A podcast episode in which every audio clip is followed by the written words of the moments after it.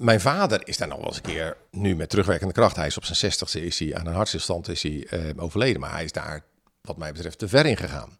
Want die zei op een gegeven moment, die haalde eh, Calvijn aan en die zei... het geeft niet als ik verteerd word, als ik maar dienstbaar ben. Holy cow. Dat is, hij was dominee ook. Ja, en hij is eh, eraan onderdoor gegaan en hij werd verteerd. hij heeft zich doodgewerkt. Hij, ja, hard gezegd eigenlijk wel. Jij was toen 21. Ik was 21, ja. Is een van jouw dochters niet ook zo oud nu? Ja,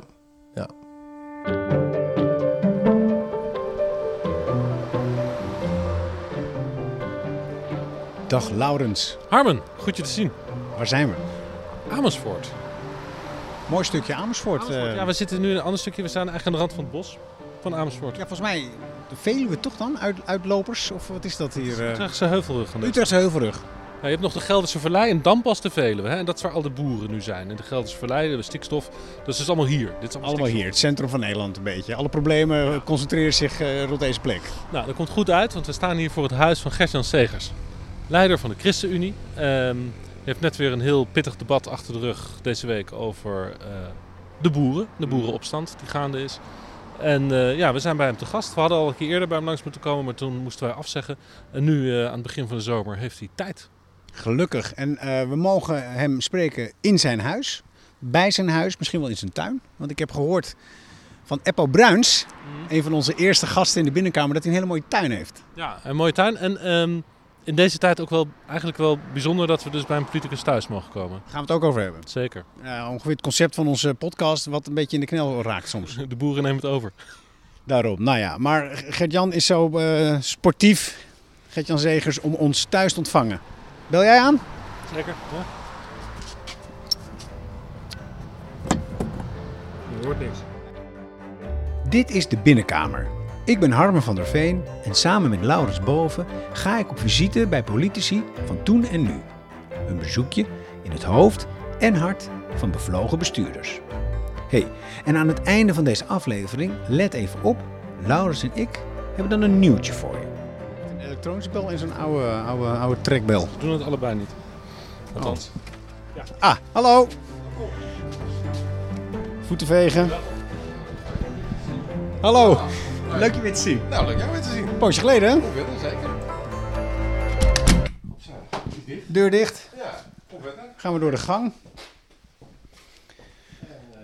En dan zijn we weer eh, in jouw woning. En ik was al gewaarschuwd voor jouw mooie tuin. Het is een lange tuin.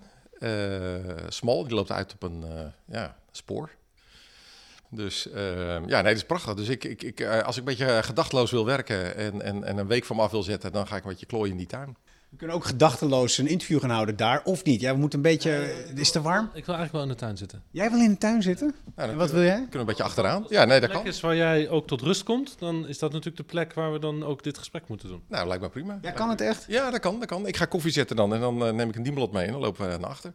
Gaan we doen. Gaan we dat doen? Koffie. Jij wil je koffie? Ja, ik wil wel koffie, ja. Beetje melk, beetje suiker. Oh, cappuccino is heerlijk. We zitten. Yes. Ziet iedereen lekker.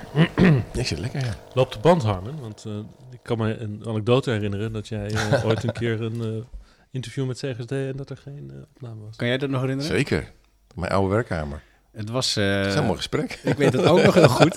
Dat was- Halverwege zie ik jou zo langzaam instorten. En, eh, het was verschrikkelijk. Ehm, ik, ik, ik wil die anekdote graag inderdaad delen. Dat was 2017, het jaar van de verkiezingen. ja. Eh ChristenUnie had geloof ik eh, winst, hè? En, en kabinet, Stemmenwinst. Stemmenwinst Ja. en kabinetdeelname. Ja. En ik ging op zoek naar verliezers en winnaars. En toen kwam ik bij jou en we mochten op jouw kamer. En het was eh, echt december. Het sneeuwde. Dat lijkt niet ter zake doen voor mijn blunder, maar later wel. Ehm, want ik had een uur en we hadden een uur opgenomen. En aan het eind van het uur denk ik, ik kijk nu voor de zekerheid, hij loopt. En aan het eind van dat uur zet ik ook het kastje aan. En voor het eerst hoor ik eigenlijk mezelf. En ik denk, oh. En ik, ik vloek ook, zeer onchristelijk. Bij, bij de ChristenUnie. Ja, bij de En Christen. toen heb ik de onmiddellijk eh, de kamer uitgezet, ja, geloof ik. terecht gewezen. En, en, en ik, ik meteen excuses. Dat is het enige wat ik heb opgenomen van het hele gesprek. En vervolgens denk ik, nou, dit was het, klaar. En dan gaat Gert-Jan de gang op, of, of naar zijn, naar zijn eh, secretaresse of iemand. En die zei, eh, nou, dat is niet goed gegaan. Ehm, nog een uur in mijn agenda. En toen mochten we nog een keer. En toen, nu heb ik trouwens, eh, eh, zie ik dat de stekker er niet in zit. Ben jij zenuwachtig of zo? Is het eh, hier dit zakje volgens mij, toch? Hier zit het in. ja. Ehm, en, toen, en toen mochten we door.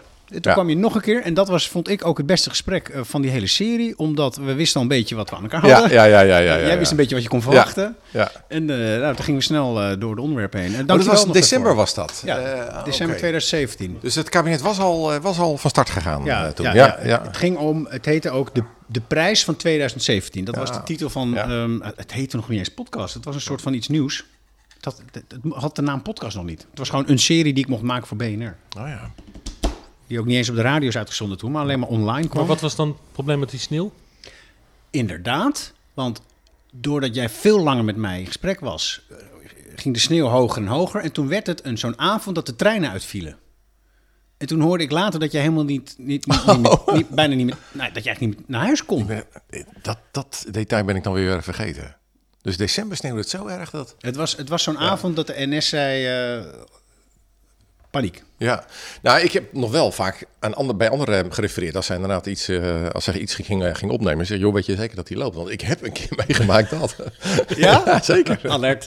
Ja, Dus zei andere, andere journalisten denken, staat hij aan? Want, eh, ja, ja inderdaad. Ja. Dus dan, eh, daar heb ik hem meegedragen, ja. bijgedragen. Dus je bent toch een, eh, ja, een, een, een, een baak in zee. eh, Ja, en een onvergetelijke eerste indruk achterlaten.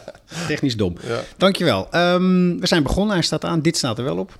Hij is- we zitten ook We zitten ook. aan Ja. tafel. We zouden in de tuin gaan zitten, maar dat is toch niet zo'n goed idee. Nee, binnen. Dus we zitten toch aan jouw Prima. keukentafel. Ik heb hier koek staan. Als je daar nog een, een stroopwafel wil of iets anders, dan eh, Nou, doe het moet je nu. dat pakken. Ja. Ja.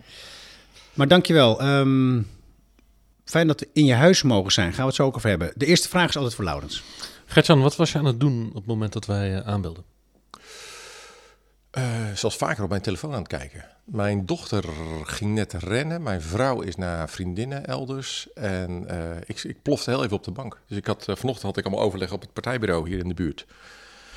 We hebben even gevierd dat we toch nog op, op vakantie kunnen. Dat is een heel lang verhaal wat ik er nu niet ga vertellen. Maar we waren heel blij. Als gezin. Als gezin, ja. Want daar hadden we een visum voor nodig wat niet rond leek te komen. En dat kwam opeens wel rond. Waarheen? Mag ik dat vragen of is dat, wil je dat geheim houden?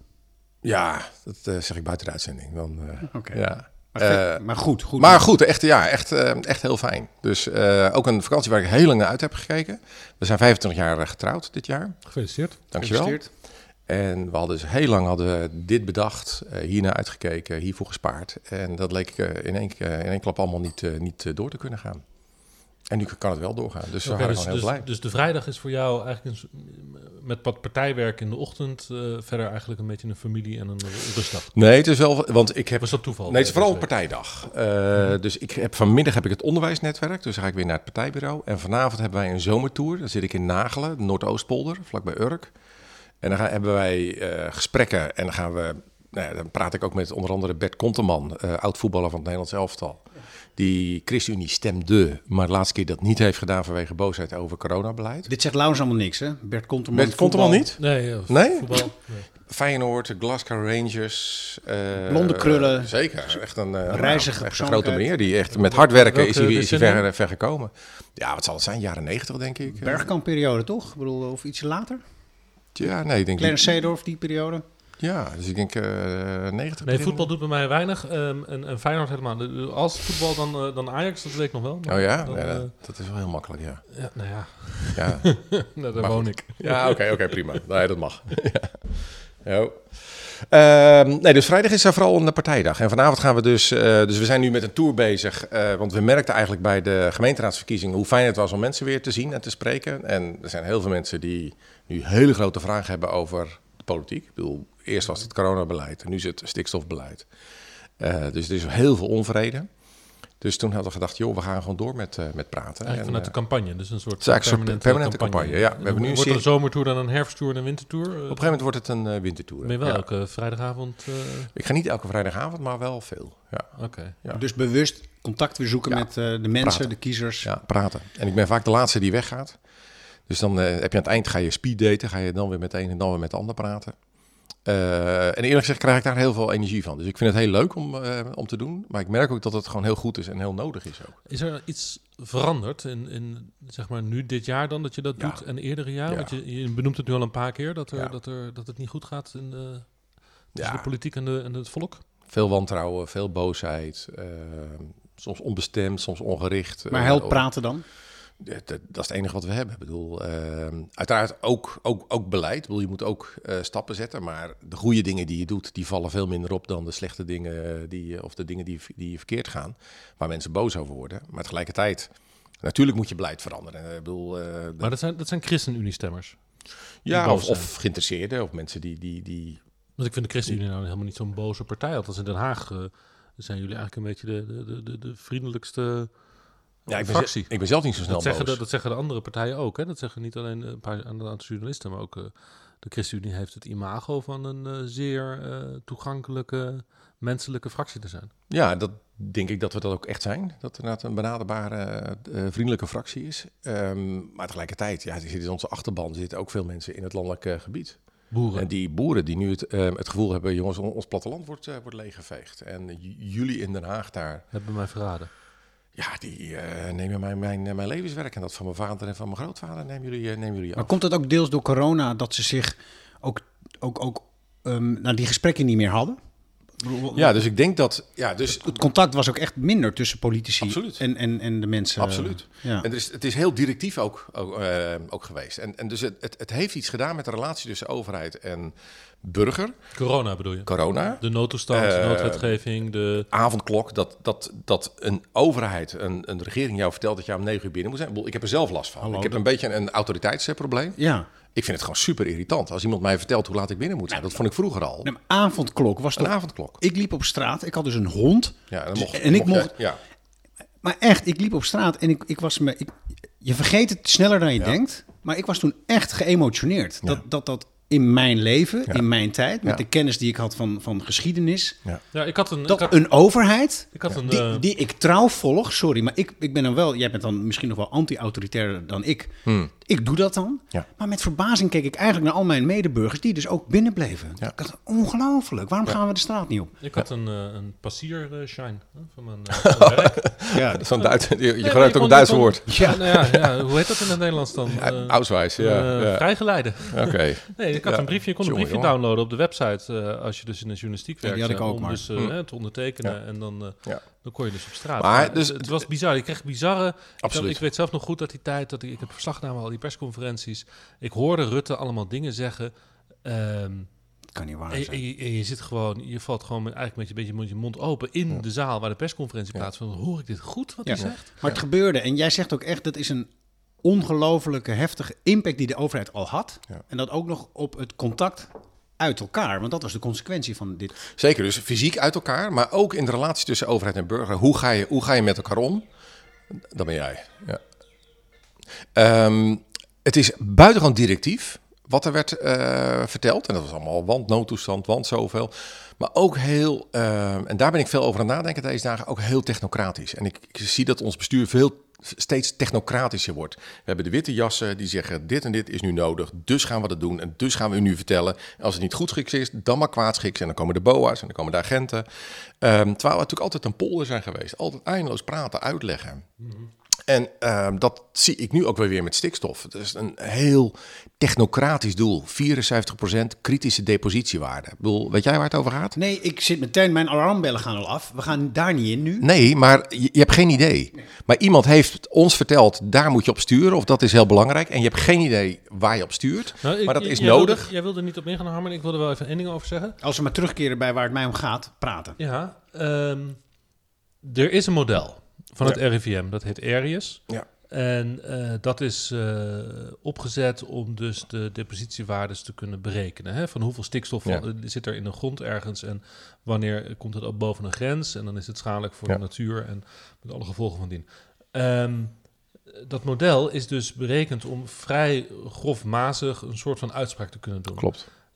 Het wordt echter in de praktijk gebruikt om op hectare niveau Waanzin. eh, vergunningen te verstrekken. Klopt. Waanzin. En dat kan er dus toe leiden dat een boer een, een, een stal, een nieuwe stal wil bouwen, 100 meter naast zijn oude stal. En dat mag dan niet, want die 100 meter, dat is precies de 100 meter die dan opeens het, het, het, het cirkeltje in een natuurgebied Ja. brengt. Ja. Nou, dat is ook bizar. Ja. Dat, dat, dat snapt is- iedereen dat het bizar is, maar nu is mijn sorry. vraag.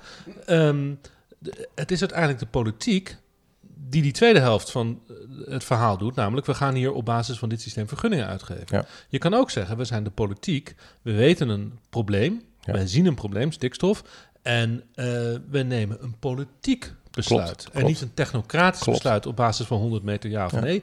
Maar nee, we zijn politici, gekozen volksvertegenwoordigers, democratisch bestuur. Ja. We nemen een politiek principebesluit over het een of het ander. Ja. En dat zie ik nooit gebeuren. Nee, spot on. En dat is ook bij corona is dat gebeurd. We kregen dus inderdaad gewoon via het OMT hele technische informatie.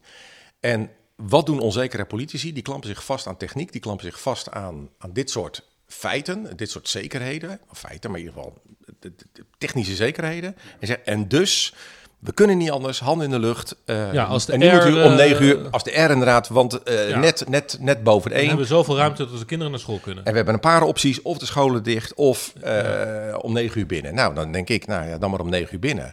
Maar exact die bredere afweging. Wat doet dit met mentaal welzijn? Wat doet dit met ehm, onze economie? Wat doet dit met gezinsleven? Weet ik veel wat. Ik bedoel, dat is exact de politieke afweging die je moet maken. Waar nu veel politici, inclusief ikzelf, onvoldoende naartoe eh, toekomen. En dat zie je Maar toch ook, is bizar. ook- want en dat zie je ook bij stikstof. Ja, m- m- mensen die zullen natuurlijk, eh, hè, waar jij dus op de vrijdagavond je tijd mee doorbrengt, zijn dan boos op jou, want jij bent Den Haag. Ja. Eh, jij bent Den Haag, maar binnen de context van Den Haag weet jij het dus zelf ook niet. Want Nou, je, sta je dus ook. ik weet het wel, Je bent alleen- toch een coalitiepoliticus, dus je bent toch Ja, maar deel heb- van de macht. Maar ik heb nul overleg gehad over dat kaartje wat naar buiten is gegaan. Ik heb nul overleg gehad over de, de brief die eh, minister Van der Wal eh, de wereld in heeft gestuurd. Ja, dat, dat is me te Dus- concreet, want daar komen we dus- zo meteen nog op. Maar ik bedoel meer het principe-idee dat, dat jij bent natuurlijk een deel van een politieke generatie die dat technocratische Ja. bestuur vormgeeft. Nou, waar ik dus wel mij tegen probeer te verzetten en waar ik nu dus opnieuw over aan het nadenken ben. De afgelopen twee weken is het ontzettend fout gegaan. Eh, want exact wat jij nu al zegt, we hebben een probleem met stikstof. Ja, zelfs dat is eh, twijfelachtig. We hebben een probleem met de natuur. We hebben een probleem met eh, de biodiversiteit. We hebben een probleem met de aarde die ons het leven geeft, die ons, waardoor wij eh, ons kunnen voeden. Ehm, daar hebben we een probleem mee. Stikstof is een onderdeel daarvan. Maar ook waterpeil en ook de bodemkwaliteit en ook de lucht. Dat is allemaal onderdelen van een veel groter ecosysteem. En daar is een probleem. Maar nu hebben we het al verengd tot stikstof. Nou, stikstof, dat, dat, klinkt al enigszins technisch. Allerlei verbindingen. Dan heb je nog eh, NOx en eh, nog een andere verbinding. Ehm, ammoniak, precies. En, en vervolgens brengen we dat terug naar een wiskundige formule. Vier, hè, wat ik net zei, 74% kritische depositiewaarde. Nou, jij kijkt glazig en, en, en heel Nederland kijkt, kijkt glazig. Ja. En dat gaan we dan vertellen. En daarom heeft u een probleem met uw boerderij in de Gelderse Vallei. En Nou, En, welke- en dat trekken mensen niet. Nee, en welke strijd leef jij dan in, jij, in jouw hoofd? Want je zegt, ik ben daar de afgelopen dagen over het aan nadenken. Ook misschien wel wat langer. eh, hier in dit huis. Ehm, wat speelt zich af in jouw hoofd? Hoe heeft het zo kunnen gebeuren? En, en waar, heb ik zelf, waar had ik zelf anders kunnen acteren? En wat zijn nu mijn opties om, eh, om dit recht te trekken? Om, om, om dit weer op het goede spoor te krijgen? Daar denk ik dan veel over na. En twijfel je ook dan aan jezelf? Ja, want ik heb onderhandeld over een coalitieakkoord. En ehm, eh, dan gaan ook dingen naar zijtafels. En daar zitten mensen die ik gewoon blind, blind vertrouw. Die praten met, eh, hoe heet het, Planbureau voor de Leefomgeving.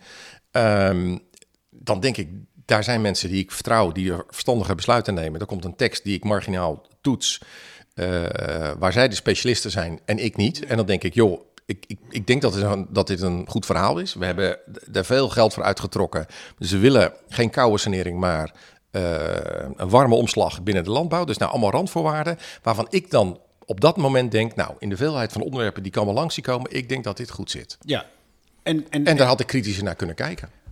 Eh, Oké, maar is dit niet een soort van een, een eeuwig, eeuwig eh, probleem die, die bestuurders, eh, politici, volksvertegenwoordigers als, als jij hebben? Ja, ja, Job Cohen heeft ooit gezegd, wij zijn alle amateurs. ja. Dat kwam hem op extreem veel kritiek te staan. ging over de Noord-Zuidlijn. ja. Hoe kijk jij naar zo'n uitspraak dan? Ja, daar ben ik het zeer mee eens. We zijn, we zijn, we zijn, we zijn krabbelaars. Maar de buitenwereld is echt heel boos, op jou ook. Ja. Als, als gezicht van eh, een partij, Ja. eh, een bouwer van een coalitie. En soms dichten ze jou ook waarschijnlijk eh, krachten toe die je helemaal niet hebt. Ja, en soms ook, ja, en soms ook motieven die ik, die ik niet heb. Of strategieën. die Exact, want jullie willen de boeren kapot hebben. Jullie willen weet ik veel wat. Hè? Nee. Want, want, want eh, er moeten meer migranten komen, en daarom moet er meer gebouwd worden en daarom moet er minder, minder landbouw. Ja, dat is, dat, is, dat is mijn motief niet. Dat is niet wat ik wil. Ehm, maar dat is wel heel vervelend dat je dat, je dat wordt, eh, wordt toegedicht. En ook soms een macht wordt toegedicht. Die ik in. Ja, ik ben ook maar een schakel in dat Haagse spel. Wat gewoon buitengewoon ingewikkeld is soms. Maar wat, Eh, doet, wat doet dat met je als iemand dat tegen jou zegt? Gewoon direct. Jij. Ja. Nou, want, dan komen we bij praten. Ik, ik kan vaak bij dat praten op zo'n zomertour of waar dan ook, kan ik wel uitleggen, joh, wat heb ik wel besloten, wat heb ik niet besloten, wat zijn mijn motieven, wat, wat, wat, wat zou ik nu nog kunnen bijsturen, wat is de bedoeling daarachter. Nou, dan kom ik vaak al heel ver. Maar uiteindelijk, wat mij overeind houdt in Den Haag, is ehm, een, een soort zelftest. eh, deugen mijn motieven en heb ik gedaan wat ik kon? Eh, en doe ik nu wat ik kan? Want ik kan niet alle beelden eh, wegpoetsen. Ik kan niet, als iemand echt erop recht van overtuigd is dat ik Nee. kwaadaardige motieven heb, ik kan dat niet. Dat vind je moeilijk, tuurlijk. Ja, dat vind ik moeilijk, maar tegelijkertijd wil ik ook weer niet daaraan onderdoor gaan, want dan, dan, dan bezwijk ik, omdat heel veel mensen boos zijn. Maar ik wil wel mezelf testen. Ik wil wel mezelf checken. Van joh, maar heb ik dan eruit gehaald wat erin zat? Dus je bent continu in gesprek met jezelf. Ja. En, en, en je test eigenlijk jezelf. Ja. En welke vraag stel je dan? Heb ik het, heb ik het goede gedaan? Maar zul je dat ooit weten? En, en het, Ja, eh, nee, dat is een hele moeilijke vraag. Omdat ik, ik ehm, soms ook denk, nou, had ik hier niet een stap extra moeten zetten? Eh, en dan, dan, dan, dan, dan ben ik heel kritisch voor mezelf. En tegelijkertijd weet ik ook wat, wat de marges zijn, hè, dat die soms smal zijn. En probeer ik het altijd weer te vertalen, maar wat zijn mijn opties nu? Wat, wat, wat zou ik nu nog kunnen doen? Dus dat denk ik nu ook in die stikstofcrisis. Wat, wat, wat kan ik nu doen om ervoor te zorgen dat iedereen weer aan tafel komt? Dat we weer de rust krijgen en dat je- we weer rustig kunnen gaan praten over goede oplossingen. Denk je ook wel eens, had ik het maar niet gedaan? Eh, coalitiedeelname bijvoorbeeld? Ja? Nou, ik bedoel, voor mij heb ik, ben ik daar vrij open over geweest dat het niet mijn, eh, mijn droom was om deel te nemen aan een, eh, nieuwe je coalitie. hebt echt je best gedaan om het... Ik heb ontzettend mijn best gedaan om eruit te blijven.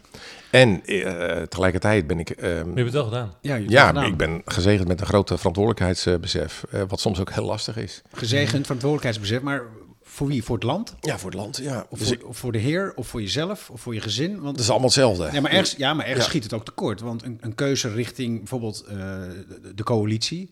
betekent dat je weer meedoet. Betekent ook dat je nu dit gedonder hebt. Een Ja. minister van Landbouw. Ja, Had je ook allemaal niet kunnen doen. ja. Het betekent Dat is dat makkelijker je, geweest. Ja, Ja. het betekent dat je veel weg bent.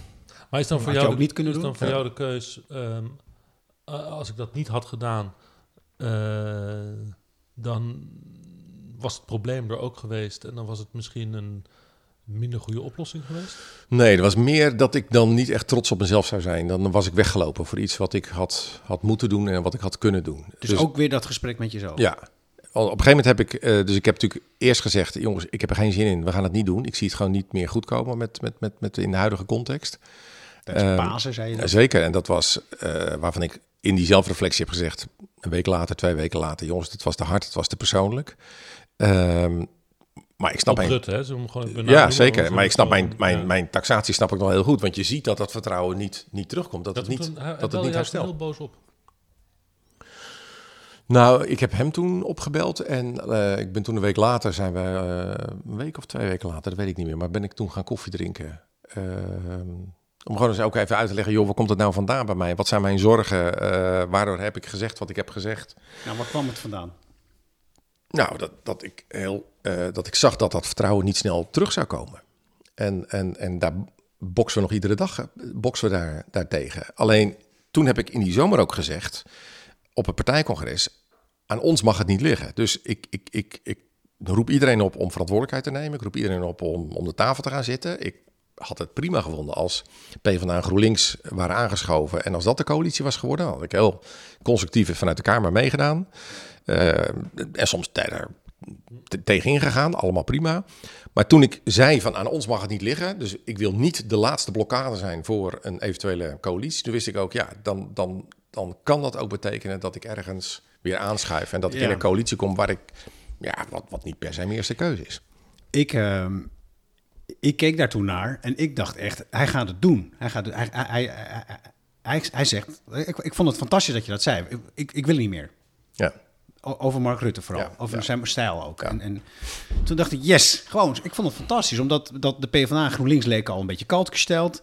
Dus, dus je had een cruciale rol. Cruciale, cruciale rol. En ik, vind het, ik vond het toen daarna ook echt jammer dat, het toch, dat je toch weer mee ging doen. Ik, ik had het wel echt heel stoer gevonden. Ja, maar ik heb dus heel lang heb ik gezegd, eh, joh, eh, eh, het is een andere. En mensen die, die dachten dan dat dat een soort ehm, spel was of dat dat eh, tactiek was. Van nou, weet je, dan komen ze uiteindelijk wel eh, bij mij. Weet je, alsof kabinetsdeelname het hoogste doel is. Ja. En dat was het niet. Dus ik had oprecht de persoonlijke inschatting, of de politieke partijpolitieke inschatting. Het is beter voor ons als club Ja. als wij nu niet in een, in, in een coalitie zitten, als anderen de stap naar voren Precies. Maar, zetten. maar, en toen kwam je verantwoordelijkheidsgevoel ja, en, en, en, en ook je, je bereidheid tot het, het, het leveren van offers ja. om het wel te doen. Ja. Waar komt dat vandaan? Ehm, Wie Ja. heeft je dat geleerd? Nou, ik denk mijn ouders, dat die hebben gezegd, joh, het leven is niet altijd leuk, maar soms moet je doen wat je moet doen.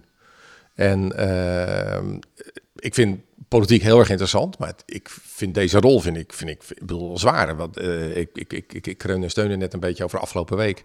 Ehm, maar je hebt veel meer gedoe intern dan extern als je in een coalitie zit. Je hebt heel veel binnenbrandjes, heel veel ruzie in de woordvoerders en, en, eh, en dat moet je allemaal, allemaal dimmen. Dan moet je allemaal goede banen leiden, je moet compromissen sluiten. En dat Dus- doe je allemaal en je zegt het komt bij mijn ouders vandaan.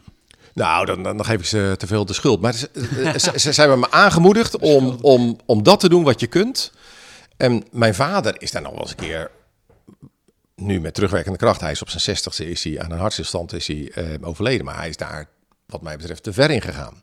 Want die zei op een gegeven moment, die haalde eh, Calvijn aan. En die zei, het geeft niet als ik verteerd word, als ik maar dienstbaar ben. Holy cow. Dat is, hij was dominee ook. Ja, en hij is eh, eh, eh, eraan onderdoor gegaan. En hij werd verteerd. Hij heeft zich inderdaad. doodgewerkt. Hij, ja, hard gezegd eigenlijk wel. En dat, en dat geloof ik niet. Jij was toen 21. Ik was 21, ja. Is een van jouw dochters niet ook zo oud nu? Ja, ja, Dat Ja. zou betekenen dat, dat zij dan morgen, Ja. zou jij nu eh, neervallen. ja. Ja, en, dat, en ik, ik, ik hoop heel erg dat ik nog eh, wat langer mag leven. En, eh, dus mijn, mijn, mijn kinderen hebben nooit een opa gehad. Dus beide eh, opa's waren voorganger, dominee. En beide voorgangers zijn aan een hartfalen om het leven gekomen. Op, hè. Mijn schoonvader, Weilen, mijn schoonvader, die ik nooit heb gekend, nog veel jonger. Die was 56. Maar Ehm, dat, dat is een toewijding. Dat, dat, dat, dat, ja, dat is met, met huid en haar, alles. Maar loop jij niet hetzelfde gevaar? Ja, dus ik wijd mij zeer toe. Dus ik, ik, ik, ik, ik, ik probeer eruit te halen wat erin zit. Maar ik probeer ook steeds te bedenken... waar houdt mijn verantwoordelijkheid op? Wat is de, de, de, de, de cirkel van, van, van invloed die ik heb? Daar werk ik heel, heel, heel hard. Maar daar waar het ophoudt, ik, ik kan beelden kan ik niet veranderen. Mensen die boos zijn op mij op grond van iets waarvan ik denk... ja, maar dat is gewoon niet terecht. Ja, dat, dat, dat moet ik dan uiteindelijk... Dat heb ik moeten leren hoor. Want ik was twintig jaar geleden was ik veel gevoeliger daarvoor. En nu bedenk ik, als iemand dichtbij die mij goed kent zegt... joh, Gert-Jan, dat heb jij niet goed gedaan. Of ik vond het heel raar dat je dat zei. Dan raakt me dat heel erg. Dan trekt me dat aan. Maar als ik een tweet krijg of een mail waar iemand mij totaal verrot scheldt... die mij gewoon niet kent, die mijn motieven niet kent... sorry, maar dat laat ik van me afglijden. Oké, maar jouw inzet voor de goede zaak is groot. Ja, dat probeer ik, ja. De uren die je besteedt aan de goede zaak zijn er vele. Je moet toch wel eens af en toe stilstaan en nadenken bij jouw vader... die zich eh, in de woorden van Calvijn liet verteren Ja. voor, voor een Ja. groot goed. Ja, Dan geloof je in de Heer. ja, Zeer, eh, daar ben je zeer mee bezig. ja. Nou, dat zal je enerzijds ook rust geven dat in ieder geval hij van je houdt. ja dat helpt me heel erg. Ja, maar ehm, hoe zorg je ervoor dat jij jezelf niet kapot werkt?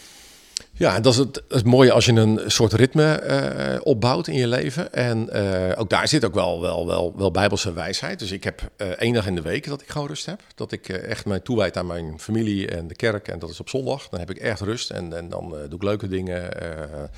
dus dat geeft heel veel ontspanning. Ik heb mo- momenten in de dag dat ik rust heb. Dus dat is aan het begin en aan het eind. Eh, mijn vrouw die is daar nog wat, wat, wat, wat meer toegewijd in. Hierachter staat een, een, een, een krukje. En zij begint iedere ochtend met een vorm van meditatie. Dat ze een... eh Dat ken ik uit Ter Zee. Ter Zee, klopt. Dat is, eh, daar, daar komt het vandaan. Dat is een groot jongerenklooster op de grens van Frankrijk en Duitsland. Waar daar, Ecumenisch. ecumenisch. Waar, Iemand waar, is heel erg aan het pingelen met Ja. zijn eh, ik heb de, is niet, oh wacht, dat is eh, die daar. Zal ik hem even uitdoen? Telefoontje. Ja, ik hoor allemaal... eh, of misschien was ik het wel. 1, 2, 3. Ja, ik hoor ook het een en ander. Mijn staat op vliegtuigmodus. Eh, dus zij, zij, zij neemt nog meer tijd daarvoor, eh, voor die rust. Maar dat probeer ik zelf ook aan het begin van de dag en, uh, en het eind van de dag. Dus vaste momenten op een dag van rust, vaste momenten in de week van rust en ook vaste momenten in het jaar van rust. Dus ik heb een aantal, uh, ik heb twee intervisiegroepen, maar dan ga ik af en toe het klooster in. En dan, dan, dan denk ik na over mezelf en dan praten we met elkaar. En, dus dat, zijn, dat is een beetje een ritme wat, wat, wat me helpt. Dat houdt je stabiel. Ja, ik, ik, ik ben niet uh, onoverwinnelijk of zo. Ik ben niet dat dat, ik, dat, ik, uh, dat, dat een garantie is. Uh, want mijn vader, die was burn-out. Eh, maar die deed dat niet misschien. Misschien ben je er veel, meer, veel bewuster mee bezig. Dat zou kunnen, dat zou kunnen. Ja. Ja. Zou je het mensen aanraden eigenlijk om zo'n soort ritme ja. te ja. hebben? Ja. Ja, ik denk dat een ritme heel erg helpt. Ehm, ik heb ook dus je hebt, je hebt, uh, als je de moet, klooster... het, moet het dan christelijk zijn eigenlijk? Of, of, of, of kunnen, nou, ik, kunnen ongelovige mensen ook een week naar een klooster om die uiteraard, te uiteraard. Nou, hier zit hij, want uh, ter zee is, is mijn jeugd. Uh, ja. Mijn ouders waren heel ecumenisch en ja. vrijzinnig. Ik vond ze toen al toch nog, nou ja, redelijk in het begin, vooral toen ik jong was, dogmatisch. Ik mocht niet sporten en zo op, op zondag. Maar ter zee, dat, dat vond ik wel heel interessant. Zeker. Um, en dan ga je ook zingen en allemaal rust, maar daar ligt. Dat, dat, dat, ze proberen het niet te bekeren of zo. Dat uh, wat ik heel fijn vind. Maar, uh, maar misschien, als je, daar, als je daar lang genoeg bent, misschien word je wel bekeerd. Maar vind je dat, zou je dat, vind je dat belangrijk? Uh, nou, niet, niet zozeer door iemand, maar door, door, door iets daar. Want ik, ik vind het een fascinerende plek. je gaat drie keer naar de kerk.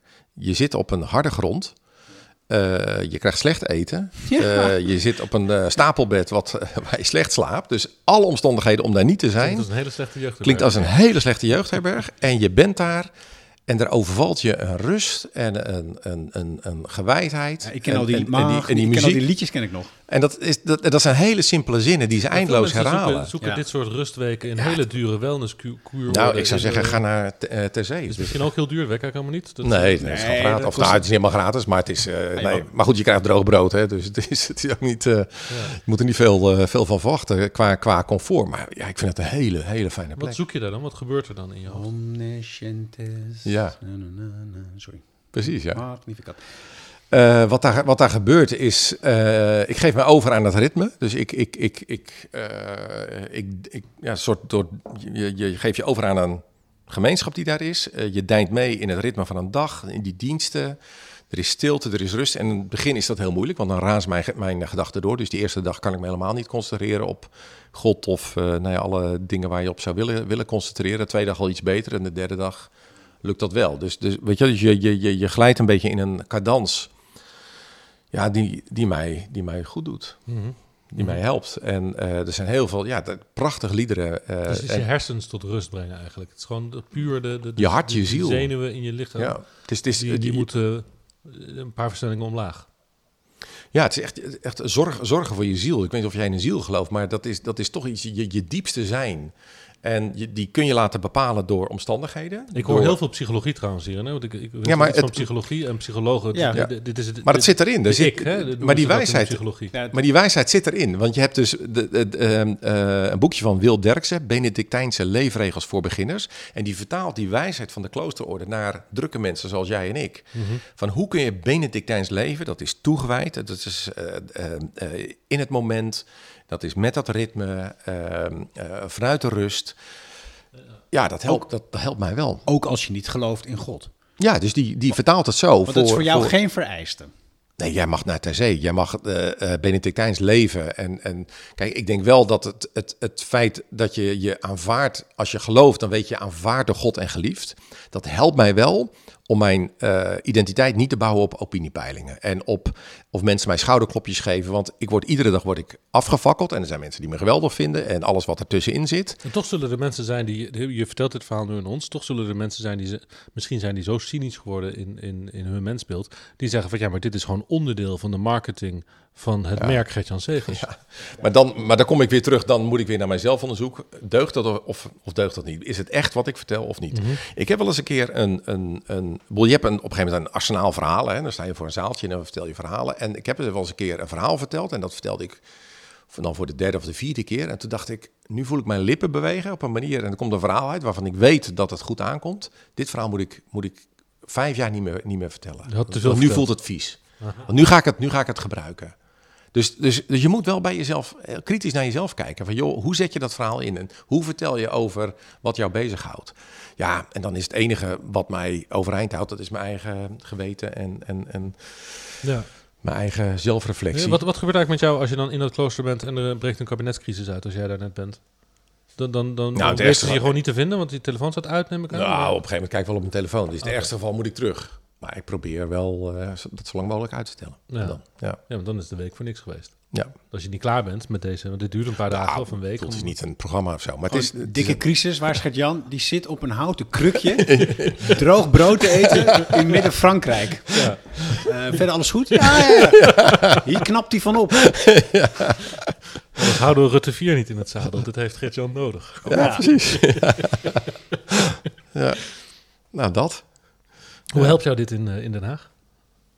Ja, een relativering. Dus ik vind het bijvoorbeeld ook heel fijn om zondag naar de kerk te gaan. Weet je, ik ben de hele week aan het praten. Ik moet overal iets van vinden. En dan ga ik gewoon zitten.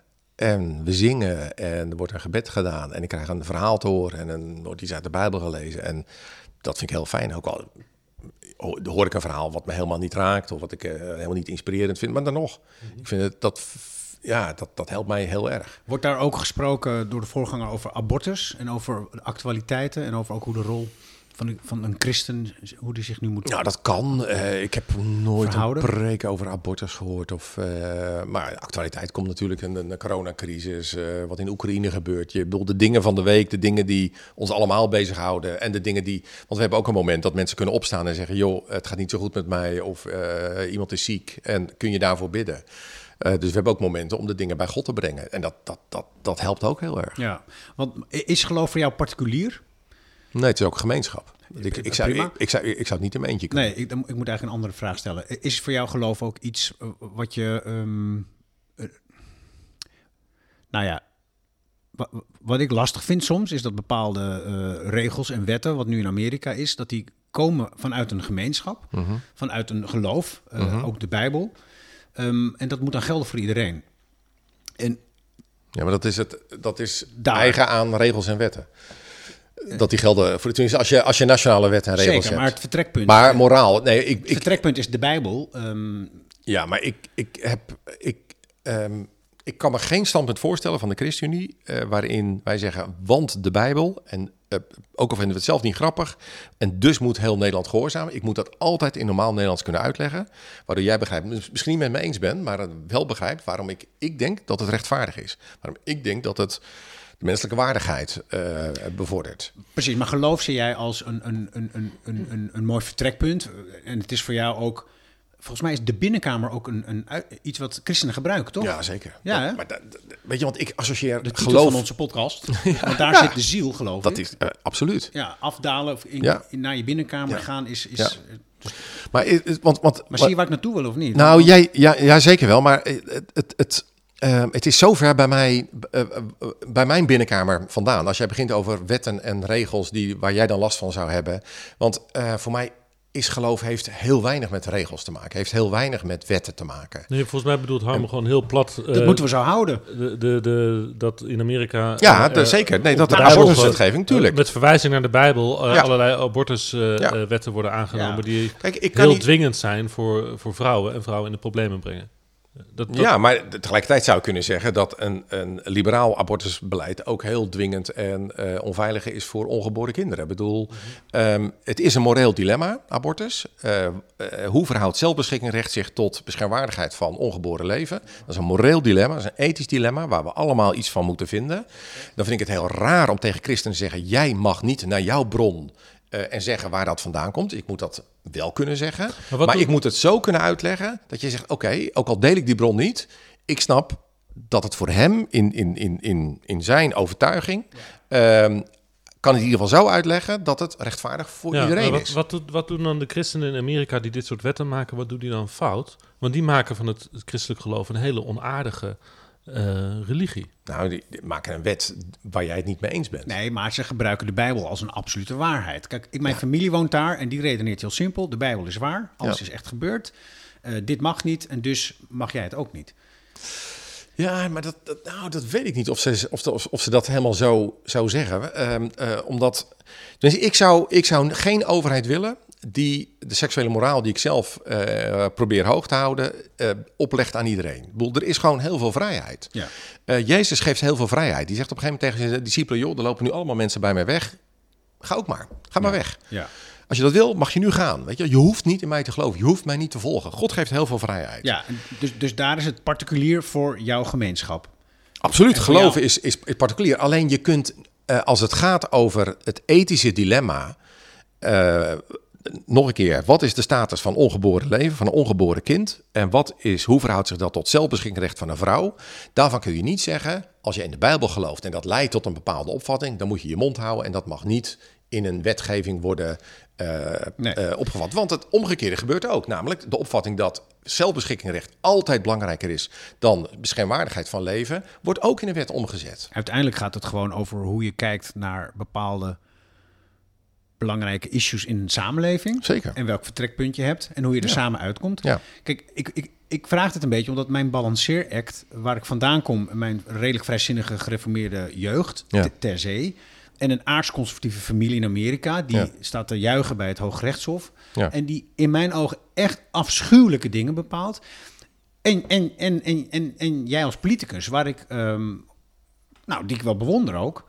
En ook wel erg, ik vind het interessant om jou te volgen en ook hoe jij erin staat. Dus dat is, dat is, eh, dat is voor mij een worsteling, zo moet ik het eigenlijk maar zeggen. Ja. En, en, en dat, bepaalt ja. ook mij, ja. Ja, nee, maar ik kan, me- kan me voorstellen dat de retoriek en de polarisatie in, in de Verenigde Staten, die vind ik ook afschuwelijk. Die vind ik, dat is een, een, een hardheid, ja. terwijl het iets, iets heel emotioneels is. En ik merk ook, zeker als ik als man daar iets over zeg, dat het ook snel nou, online, je kunt eigenlijk, je kunt er geen, ik kan er geen tweet over. eh, Nee, jij moet heel oppassen. Ik moet, ik moet echt, dat is ongelooflijk. Dat is echt heel emotioneel. En toch kun jij je verplaatsen in de opvatting dat iemand zegt: ja, maar ehm, ongeboren leven is voor mij leven. Dat is ook een mens.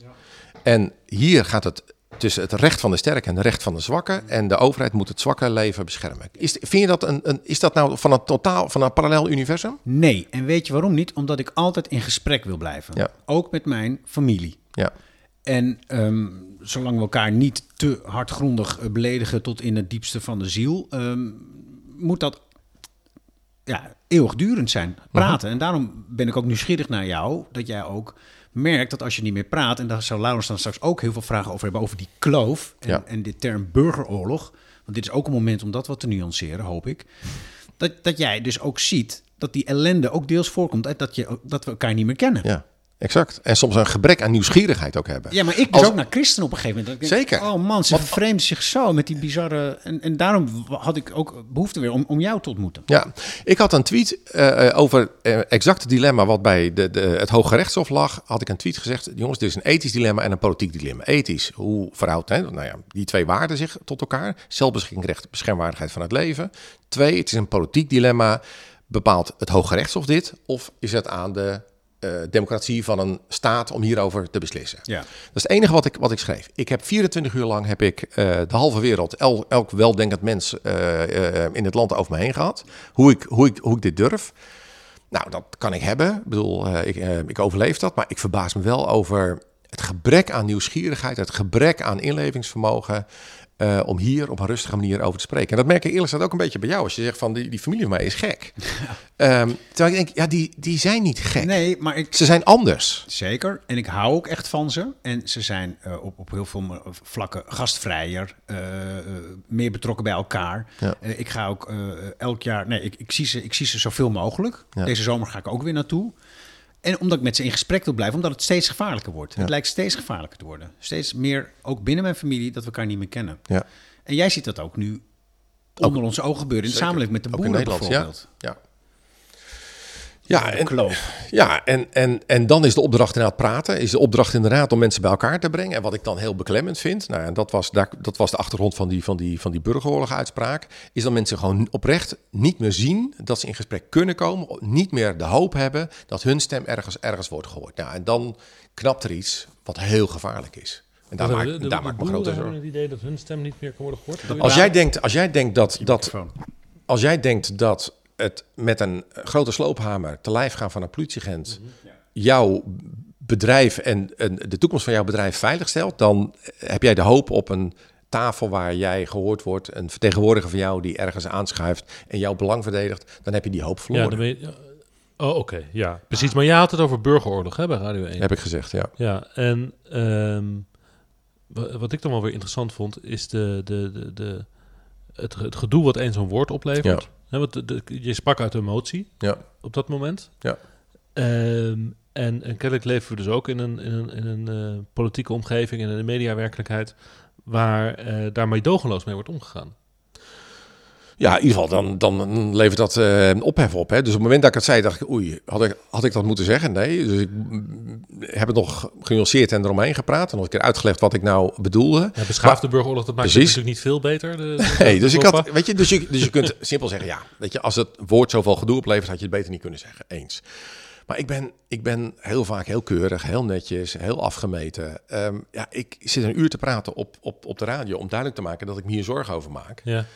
Ehm, ja, dan ben ik maar een keer, een keer minder keurig, dan maar een keer wat, wat minder afgepast. ja, want je meende het wel. Ik meen het wel, omdat ik, ik gewoon zie dat er groepen zijn die elkaar gewoon niet meer begrijpen. En dat er hier kloven zijn, dat is een stad met hoogopgeleide mensen die eh, aan de UvA hebben gestudeerd in Amsterdam, die in een eh, ministerie belanden en die een Excel-sheet voor zich hebben en die denken, joh, dit is dat technocratische beleid waar, waar, waar we Ja. net over spraken. Dit is het logische, rationele wat er nu moet gebeuren. Versus een boer die in eh, Kootwijk woont, die het idee heeft, jongens, ehm, eh, nu is het laatste beetje wat ik heb, namelijk mijn erf, onze manier van leven, wordt mij ontnomen. Die, dat zijn twee totaal gescheiden werelden, mensen die elkaar nooit, nooit meer spreken. Ja, maar burgeroorlog is geweld, hè? Nou ja, ik bedoel, het was nog voor de demonstraties, maar ik proefde een emotie en ik had gesprekken gehad wat zo emotioneel was en waar mensen zo wanhopig waren en zo hopeloos. eh, als het gaat om de verwachting die ze hebben ten aanzien van politiek, dat ik me daar zorgen over maak. Dus ik heb gezegd, ik verwacht geen burgeroorlog in de zin van dat mensen de wapens oppakken en elkaar te lijf gaan Nou, en, en, en doden. Dat, Maar zo ziet het er eerlijk gezegd nou, en nu wel met die, met die hamer. Maar goed, ik, ik denk niet dat mensen elkaar gaan doden. Dat we op het punt zijn om elkaar dood te maken. Maar wel dat het zo verhard is dat mensen elkaar even heel weinig hebben te Maar- zeggen. maar- en, dat is, en dat is heel Maar dramatisch. Gert-Jan, En taal, taal doet er dan toe, hè? Excuus, taal doet er toe. En, en, en je hebt Kamerleden die stonden in Stroe op dat podium... Ja. en die gebruikten andere woorden dan het woord burgeroorlog... maar die, die, die, die, die, stonden op te hitsen. Zeker. We hebben Kamerleden die hitsers zijn. Absoluut. Verschrikkelijk. Echt verschrikkelijk. Dat zijn jouw collega's, Ja. eh, volksvertegenwoordigers. Ja, en, ik en- kan er niet bij. Nee, ik liep daar in die meute. eh, eh, ik liep daar tussen die mensen Ja. met mijn microfoon. Geen voor- meute. Van BNR. Ja, ik, ik zag ik deed ook Ja, een zeker. stapje terug. Ja, want Ik kan ook weer opheffen voor Ja, zaken. maar ik wil toch even aangeven wat daar gebeurde. Ook bij mij. Ik liep daar tussen die mensen. Ik deed mijn verslag. Ik had een microfoon waarop stond BNR. Ik deed een dagje verslag. En op het podium staat die van den Oever van Ja. Farmer Defence Force. En die zegt, eh, wij gaan vechten tegen Den Haag. En de pers die zorgt voor eh, verdeeldheid. Of de pers houdt ons voor de gek. Ja. Ik loop en ik hoor dat en ik denk, nou, dat is dan een, een, een, een man van, van, van die, die, die radicale boerenclub. Maar daarnaast staat die Gideon van de Forum en al die andere Kamerleden. En ik hoor gewoon een, een, een man zeggen, daar loopt BNR. En dan best ook een visioen. Misschien haakt hij me een pootje, heel klein, tikje. Ja. Daarna denkt iemand, hé, er ligt een gast. Volgens mij is dat een journalist. Nog één, nog één. Op een moment denk ik, ik, ik, ik was echt bang. Ik Ja. dacht, ik, ze zouden me kunnen lynchen, gewoon. Ja. Ja. Ja, nou, ik had niet gedacht dat ik ooit dat zou meemaken. Ja. En, in, in, in, taal is belangrijk. Dus jij zegt burgeroorlog, dat, dat, dat, dat, dat ja, Ja. is- is een linker soep. Ja, linkersoep, omdat je dan... ehm, in de zin van dat het een soort zelf, self-fulfilling prophecy kan worden, eh, zou kunnen worden. Dat mensen dat, daar een legitimatie in zouden kunnen vinden om te zeggen... joh, en nu mogen we inderdaad... eh, het, het woord is gevallen. Een soort van moment van, van, van onbeheer. Ja, to- toch, Ja. toch een... Ja, dus ik...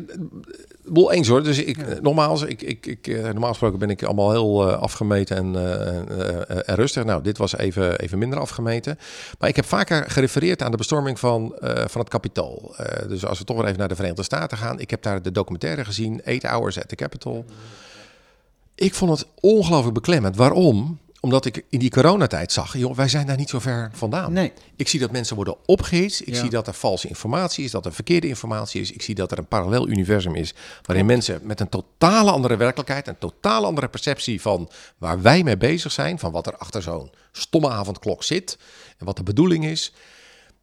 En als dat maar lang genoeg doorgaat en als er dan een paar ophitsers zitten, die, hè, die zien een, een hele brandbare eh, eh, stapel hout en die hoeft maar één klein lucifertje erbij te houden en een heleboel vliegt, vliegt in de fik. Zeker. Dat zag ik bij die, bij die, bij die documentaire. En, En, en- en nu- dat nu zie je dit- probeer ik te beschrijven. Ja, je ziet zo'nzelfde soort dynamiek in de Nederlandse samenleving nu eh, bezig gaan. ik, ik had niet gedacht dat wat jij inderdaad voelde, wat, Ja. wat ik gewoon af en toe zie.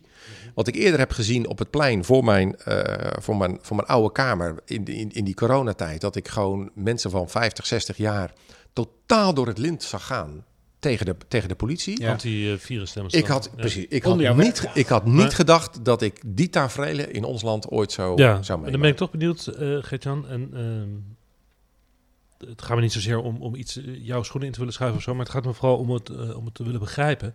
Ehm, de, de, de- dit kabinet is nu eh, zes maanden in, in functie. Ja. En je hebt negen maanden heb je eh, coalitieonderhandelingen gevoerd. Nou, negen maanden niet. Nee, drie maanden, twee maanden is het geweest. Nee, het gewoon- duurde negen maanden. Dus Ja, de de- en de, De hele, de hele eh, toestand, zeg maar. Maar dat oh, waren de natuurlijk feitelijke al, onderhandelingen waren maar de kort. feitelijke Maar goed, onderhandelingen ja. waren korter. Hoe dan ook, je bent, de vorige kabinetsperiode heb je ook geregeerd en het allemaal meegemaakt en, en nu uitgebreid onderhandeld. En eh, dit is zeg maar het eerste grote dossier wat... eh dit bedoel, het is begonnen in Den Haag, hè, want het is begonnen met dat kaartje. Mhm. Het is niet dat de stikstofcrisis nu op het Veluwe begonnen is, maar de, de, het is begonnen in Den Haag. Ehm, en dat is jouw kabinet. Dat zeg ik maar even voor het gemak. Ja. Eh, de ChristenUnie-minister is er ook bij betrokken. Eh, hoe kan dat nou toch waar? Hoe kan dat dan? Hoe kan dat nou eh, zijn? Dat als je er zo bewust mee bezig bent en het je zo realiseert en gezien hebt wat er in corona is gebeurd, Ja. en dat dit de, de eerste testcase is van een kabinet wat er eigenlijk pas net zit, Mhm. en dat het dan helemaal eh, ontploft. Ja, dat heeft, dat heeft met eh, eh, twee kanten te maken. Aan de ene kant de kant van de overheid, waar je ziet dat technocratie heel sturend is geworden. En dat het ook makkelijk is voor bestuurders die onder druk staan, die veel maatschappelijke druk hebben, om die techniek te omarmen, om de aanbevelingen van planbureaus te omarmen en zeggen, en dit gaan wij nu doen. Eh, eh, zonder het goed uit te leggen, zonder het verhaal erachter te vertellen. Waarom doen we dit? We doen dit voor de natuur. We doen dit omdat we het leven willen houden, omdat we hier het leefbaar willen houden. Ehm, eh, en dat op een manier communiceren, spreken, waardoor het enigszins landt. En mensen ook de indruk hebben van hé, hey, maar hier valt nog wel over te spreken. Wij kunnen hier nog over doorpraten. En, want dat was de andere kant van mijn, van mijn quote. Dit heeft alles in zich om te ontsporen, maar wij hebben ook alles in ons als land om dit in goede banen te leiden. We hebben namelijk de polder. We zijn erin getraind. We, zijn, Ja, we, we- we maar je- praten ons suf. Je begon je antwoord... Dus dat, is, dus dat is de kant van de regering waar fouten zijn gemaakt. En aan de andere kant ehm, hebben een samenleving waar de lontjes korter zijn geworden. Waar het wantrouwen richting de overheid groter is door geworden. corona, hè? Dat heb je Door en we- corona. En, maar daarvoor Ja. was het ook al. Want we hadden ook rond klimaatbeleid. Aha. Is dat ook ge- geëxporteerd. Dit doen ze omdat. En dan komen er andere... Nou ja, allerlei internationale gezelschappen werden dan eh, ten tonele gevoerd. En wat moet er dan anders? Want we, we zijn kennelijk tegen een muur aangelopen. Op, op klimaat, eh, pandemie is ook een vorm van milieuvervuiling uiteindelijk geweest, waar die zijn oorsprong heeft gevonden.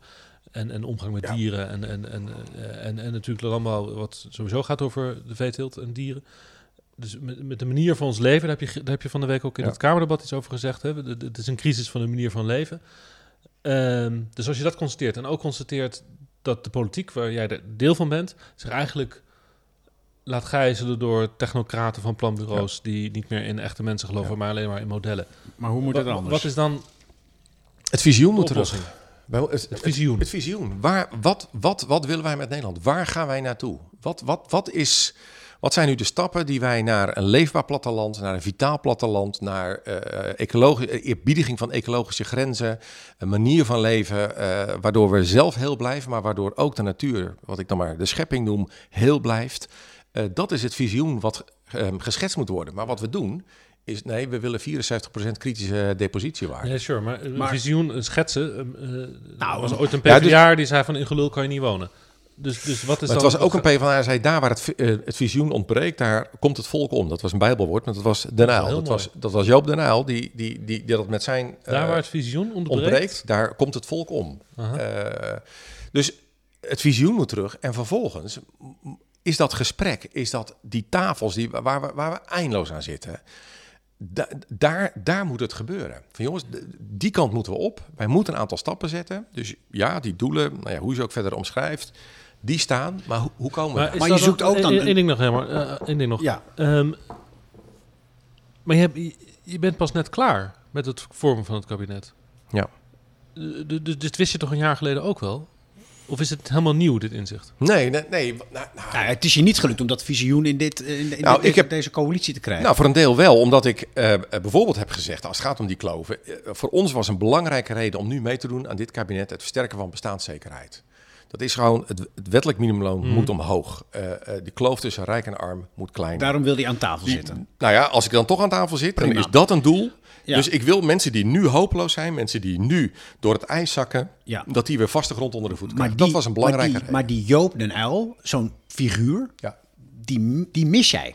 Eh, Rutte is het niet, als ik het zo eh, uit jou... eh, Nou, dat, dat is iemand die getraind is in de polder, dus die heel erg die vaardigheid van praten heeft. Maar praten zonder een visioen, dat is, dat is moeilijk praten. Want dan, dan, dan, dan kun je ook in, in technocratie belanden. En dan kan ook het- het compromis, het midden van die tafel, kan ook een doel in zichzelf worden. Terwijl zo is dat. je moet, je moet onderweg naar een hoger doel. Want heb jij dat? Een hoger doel. ja, Ja, en die visie. Nou, dat, dat, dat, ja, daar, daar schrijf ik af en toe een boekje over. Zeker. Ik, ik zie een, een, een, mijn visioen is een land waarin je met heel veel verschil kunt leven, maar je elkaar niet loslaat. Waar je eh, de verschillen tussen rijk en arm, eh, tussen vermogend en minder vermogend, niet eindeloos laat oplopen. Want dat is een samenleving waarin het vertrouwen weggaat, waarin de solidariteit weggaat, waarin de zorg voor elkaar weggaat. En dat is niet de samenleving ik vind dat die een wil. prachtig visioen. Waarom Maar- lukt het niet? Waarom krijg je maar- niet? Ja, wat? Ja. Nee, dit, dit, dit is een prachtig visioen, Ja. maar we zitten wel aan de grenzen van de groei. Eh, van de klimaat, Eh, vooral klimaat. Ja, we moeten inschikken. En dat was ook, en dat was ook mijn, mijn, onze, onze eerste reactie. Mijn eerste reactie nadat die stikstofplannen naar buiten kwamen. Nu kom je voor crying out loud alleen met plannen voor boeren. Ja, die werden heel kwaad. Waar is je plan voor luchtvaart? Waar is de industrie? Waar is de bouw? Waar is de eerlijke prijs voor voedsel Oh die ja, wij dan als hebben we het over wat er deze maand gebeurde met de publicatie van de plannen. Hè? Ja, dus Ja. al- als maar ook eer- daar ben je dan toch. eh, eh, ik, ik, probeer, ik probeer het echt te begrijpen, hè? want daar ben je toch bij als coalitiepoliticus. als een van de, de, de radertjes die ehm, eh, ehm, met een fractie van vijf eh, de, de boel probeert bij elkaar te houden. En een woordvoerder die één keer een presentatie heeft gehad van een verantwoordelijke minister en zegt: En hiermee gaan we naar buiten. Met een eh, wens tot dualisme, waarin wij vervolgens. Als zo'n kabinet Ja. met plannen komt, ook kunnen zeggen: Nou, dit vinden we wel goed en dat vinden we niet goed. En je ziet hoe moeilijk dat is om dat overeind te Het is houden. voor, voor, Want voor, jij voor, zegt, voor, voor de het, is pers. is- jouw, het is jouw kabinet, het Nou is jouw coalitie. Zo werkt het tot nu toe altijd in de coalitie Nederland. Dat de coalitiepartijen heel erg sturing gaven aan wat er in een kabinet gebeurt. Maar als ik jou goed begrijp, ehm, is dat dus niet gebeurd. Nou. Is, is jouw wens van, jongens, we gaan toch niet alleen over de boeren praten. Dat is kennelijk niet van tevoren, voor publicatie, Nee. behandeld. Nee. Dat was in het vorige kabinet, zou dat echt anders zijn gegaan. Eerder, ja. Ja. ja, en Dus eh, daar zit ook dan in een Ja, soort... kunt- je kunt zeggen, dit is, dit is dan de vrucht van eh, dualisme. Alleen, het was direct zo ontvlambaar... Mhm. dat het, je ziet dat het ook heel risicovol is. Dat als je niet wat meer mensen laat meekijken en meedenken... ja, dan weet ik niet per se of het, of het, of het, of het beter landt. hebben we iets niet gezien? Ik denk dat we niet zien hoe groot de verschillen soms in dit land zijn. Hoe eh, tot, in totaal verschillende werelden wij kunnen leven. En, en dat er echt een gebrek aan inlevingsvermogen is, over en weer. Ik heb in hetzelfde interview eh, waar ik dat eh, ene woord gebruikte, heb ik gezegd dat ik een keer in de trein zat naar een boerendemonstratie. En ik boeren klossend door het middenpad zag lopen naar hun plek. En bedacht, eh, deze mensen zijn nooit hier. Maar de mensen met wie ik iedere dag in de trein zit, al die ambtenaren die vervolgens naar Nieuwegein en naar Utrecht en naar weet ik voor waar zijn gegaan, eh, die zien die boeren nooit. Die zijn nooit bij die boeren eh, op het erf. Dat zijn twee werelden die Onbekend maakt onbemind. absoluut. En, en, en die begrijpen elkaar blijven. niet meer. Maar dan, dan zit een soort paradox in, in, in, in hoe jij leeft eigenlijk, wat jou elke dag volgens mij dan ook bezighoudt. Je zegt, ik, ik wil altijd nu en in het moment kunnen zijn. Ehm, je probeert geen fouten te maken, maar Ja. eigenlijk terwijl je bezig bent, kan, zie je dingen toch gewoon, je ziet het gewoon niet soms. Het is, het is, Natuurlijk, ik ben ook een krabbelaar. En, Ja, ja. En, en, en ik ben niet iemand die iedereen, eh, eh, ik bedoel, die 29 eh bewindslieden aan een touwtje heeft. Nee. Dus, dus er zijn nog heel veel verantwoordelijken. Dus je, ik probeer wel iets in te brengen. En ik probeer, voor zover ik zelf keuzes maak, probeer ik daar goed over na te denken. En ook op die manier over na te denken. ja. Dat is een eeuwigdurende paradox eigenlijk, een, continue balanceeract. En een aanvaarding dat we in een, eh, als ik het even toch een beetje bijbels mag zeggen, in een, Zeker, we gaan richting de afronding, Ja. Laurens, dan weet je man. in een, in een gebroken wereld leven, waarin ik zelf ook eh, een kleine krabbelaar ben. Ik ben ook een, een beperkte iemand. Dus ik heb af en toe een visioen. Ik zie af en toe een glimp van een visioen. Ik werk daar heel hard voor. Ik probeer de boel hier bij elkaar te houden. Ik probeer niet langs de zijlijn te staan en alleen maar te zeggen dat anderen het vreselijk doen, maar ook een stap naar voren te zetten en zeggen: joh, ik wil niet de laatste zijn die, uh, uh, die de boel blokkeert. Dus, dus nou ja, dat is dan de Calvinist in mij. En, tegelijkertijd ook een zelfrelativering. Um, ik doe wat ik kan, maar ik kan niet alles. En uh, mogen de Heer het uh, zegenen en er iets goeds mee doen. En dan hoop ik dat de boel bij elkaar blijft. Amen. Nee. Amen. Ja, zoiets. Nu, ja, en dan gaat nu de muziek en dan speelt het orgel. Dan gaan we de kerk uit en dan geven we het aan een collecte. Ja, en dan, dan, en dan op een gegeven jeugd, moment, en op een gegeven moment zet ik, zet ik een punt achter en dan mogen andere mensen het gaan doen. En dan heb ik mijn, uh, heb ik mijn best gedaan. Ja, als je maar niet sterft op de kansel. Nee, nee, nee, nee, nee, nee, dat hoop ik niet. Dat is het geloof toch ook niet waard uiteindelijk? Ja, het geloof is alles waard. Maar ik geloof niet dat God van mij vraagt om zo hard te werken dat ik vroegtijdig omval. Nee, dat geloof ik niet. Dankjewel. Graag gedaan. Dankjewel. Wil je nog koffie? Ja. Gaan we dat zetten. Als we, als we nog tijd hebben, laten we die even. Heb jij iets hierna? 20 over 3. Ja, ik heb hem.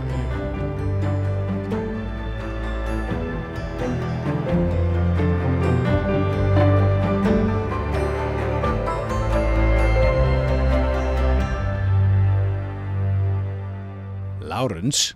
Harmen, die, we hebben het vorige keer al verteld. Dat gaan we dan nog maar een keer doen. Zeker. Vertel. Ja, want iedereen moet het wel weten. Er gaat wat veranderen met de binnenkamer. Wij uh, gaan naar Podimo.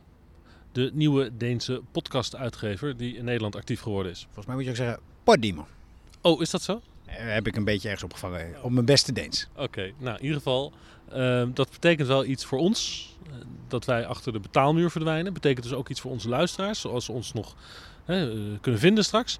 Uh, het, het, goede nieuws is dat, uh, dat ja, Podimo een, een, bedrijf is wat een, businessmodel heeft gemaakt op zo'n manier dat er ook betaald kan worden voor de podcasts die geproduceerd worden. Ja, want dit deden we allemaal voor niks.